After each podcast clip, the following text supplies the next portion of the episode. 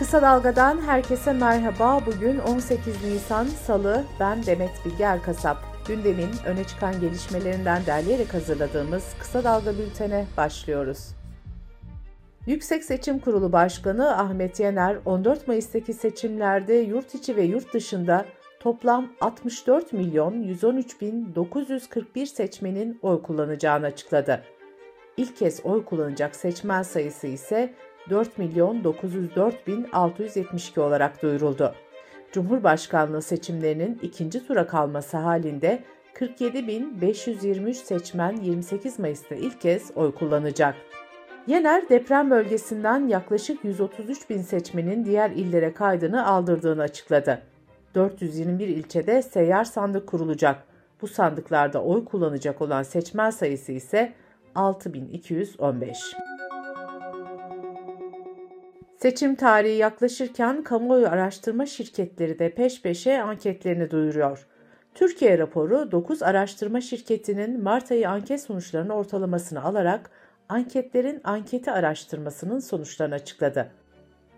Araştırmaya göre milletvekilliği seçiminde Cumhur İttifakı, Cumhurbaşkanı adayları arasında ise Millet İttifakı'nın adayı Kemal Kılıçdaroğlu önde görünüyor. Cumhur İttifakı %40.1, Millet İttifakı %38.7, Emek ve Özgürlük İttifakı %11.3 ve Memleket Partisi de %3.6 oranında oy alıyor.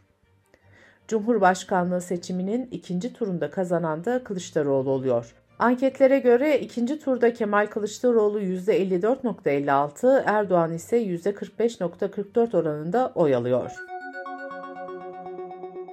14 Mayıs seçimleri dünyanın da gündeminde. Seçim sonuçlarına yönelik öngörüler ve analizler dünya basınında yer almaya devam ediyor.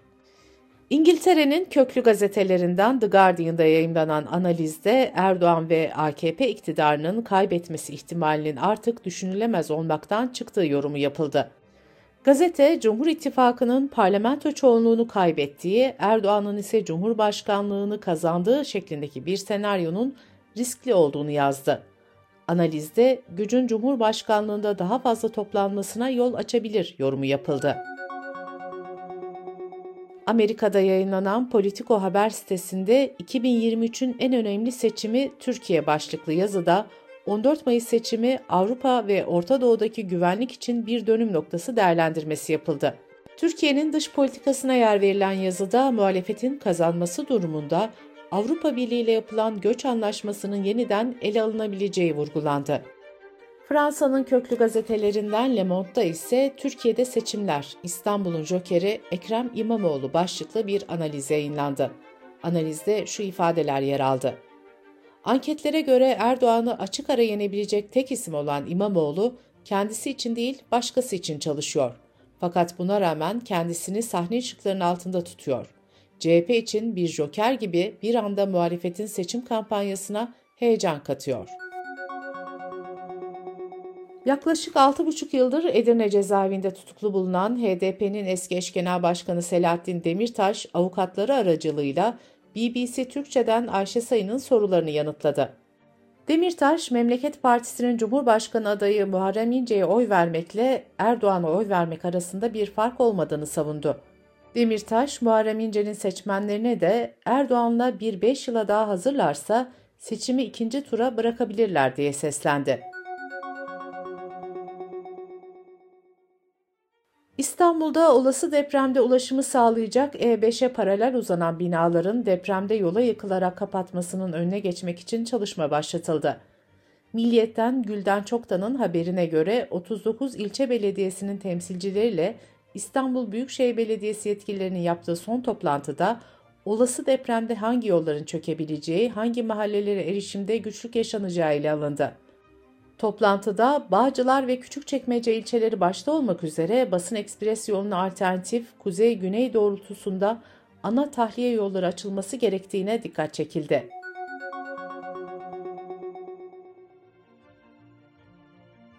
Çevre ve Şehircilik Bakanı Murat Kurum da olası İstanbul depremi ile ilgili açıklama yaptı. Murat Kurum, İstanbul'un acilen depreme hazırlanması gerekiyor. İstanbul'da kentsel dönüşüm şart dedi.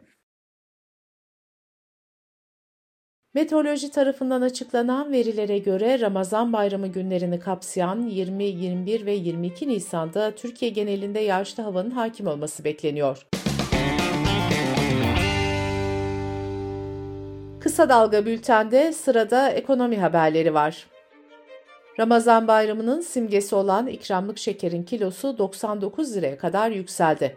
Geçen Kurban Bayramı'nda kilosu 75 lira olan şeker, aradan geçen zamanda %32 zamlandı. Ekonomim gazetesi yazarı Alaaddin Aktaş, Mart 2021'deki verileri temel alıp son iki yılda yaşanan fiyat artışlarını inceledi. Aktaş'ın aktardığına göre dana etinin endeksi yüzden 385'e fırladı ve yüzde 285 arttı. Süt endeksi ise yüzden 342'ye çıktı. Elektriğin fiyatı yüzden 231'e yükseldi. Vatandaşın temel gıda maddesi durumuna gelen makarnada endeks yüzden 330'a çıktı, artış yüzde 220 oldu. Patatesin 100 olan endeksi de 497'ye yükseldi. TÜİK'in verilerine göre soğanın fiyatı 2021'in Mart ayında 1.90 lira, geçen yıl Mart'ta 3 liraydı. Soğan bugünlerde 25-30 liradan satılıyor. En büyük kağıt para olan 200 TL dolaşıma girdiği 2009'dan bugüne kadar %647 değer kaybetti. O zamanlar 200 TL'ye dolan bir alışveriş sepeti için bugün 1495 lira ödemek gerekiyor. Ekonomistler bu tablo karşısında yeni banknotlar basılması gerektiğini söylüyor. Cumhuriyet gazetesinden Ali Can Polat'a konuşan eski Ziraat Bankası Genel Müdür Yardımcısı Şenol Babuşçu, iktidara kim gelirse gelsin yeni banknot basması gerektiğini söyledi. Bankacılık Düzenleme ve Denetleme Kurumu verilerine göre bireysel kredi kartı sayısı 100 milyona ulaştı. Geçen yılın sonunda 452,5 milyar lira olan bireysel kredi kartı borç bakiyesi ise son 3 ayda 577 milyar liraya yükseldi. Türkiye İstatistik Kurumu'nun açıkladığı verilere göre Türkiye genelinde konut satışları Mart ayında bir önceki yılın aynı ayına göre %21.4 oranında azalarak 105.476 oldu. Dış politika ve dünyadan gelişmelerle bültenimize devam ediyoruz. ABD Merkez Komutanlığı tarafından yapılan açıklamada Suriye'de düzenlenen bir operasyonla üst düzey bir IŞİD yöneticisinin öldürüldüğü belirtildi. Operasyon ilişkin detayların daha sonra paylaşılacağı duyuruldu. İç savaşa doğru sürüklenen Doğu Afrika ülkesi Sudan'da çatışmalar neredeyse her şehre yayıldı. Önceki gece boyunca patlama sesleri kesilmedi. Ordu birlikleriyle paramiliter grup hızlı destek güçleri arasında patlak veren iktidar mücadelesinde 3. gün geride kalırken ölü sayısı yüze yaklaştı. ABD Sudan'daki gelişmeleri kaygı verici bulduğunu açıkladı ve sivillerin korunmasını istedi. Türkiye Dışişleri Bakanlığı'ndan yapılan açıklamada da taraflara sükunet ve diyalog çağrısı yapıldı. Bakanlık Sudan için seyahat uyarısı yaparken ülkede bulunan Türk vatandaşlarının da kapalı alanlarda kalmasını istedi. ABD donanmasına ait bir savaş gemisi Çin ordusunun geçen hafta düzenlediği askeri tatbikatın ardından Tayvan Boğazı'ndan geçti. ABD donanması bu savaş gemisinin Tayvan Boğazı'ndan geçişini rutin görev olarak değerlendirdi. Bu adım dünya basını tarafından da Çin'e karşı Tayvan'ın yanındayız mesajı olarak yorumlandı. Amerika Birleşik Devletleri yine silahlı saldırılarla sarsıldı. Alabama eyaletinde bir dans stüdyosunda düzenlenen doğum günü partisine silahlı saldırı düzenlendi, 4 kişi hayatını kaybetti. Kentucky'de ise bir parktaki kalabalığa ateş açılması sonucu 2 kişi öldü. ABD Başkanı Joe Biden, kongreyi silahlanma yasaları ile ilgili harekete geçmeye çağırdı. Meksika'nın eski devlet başkanı Jose López Portillo'nun CIA için çalıştığı ortaya çıktı. Gizliliği kaldırılmış belgelerde Portillo'nun teşkilatın kontrolü altında olduğu yazıldı. Almanya'da yapılan bir araştırma 2022 yılında ülkede nitelikli eleman sıkıntısının rekor düzeye ulaştığını, 630 bin kadronun boş olduğunu ortaya çıkardı.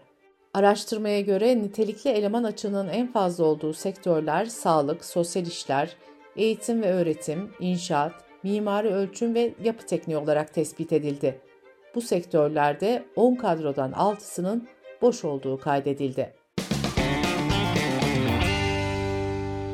Bültenimizi kısa dalgadan bir öneriyle bitiriyoruz.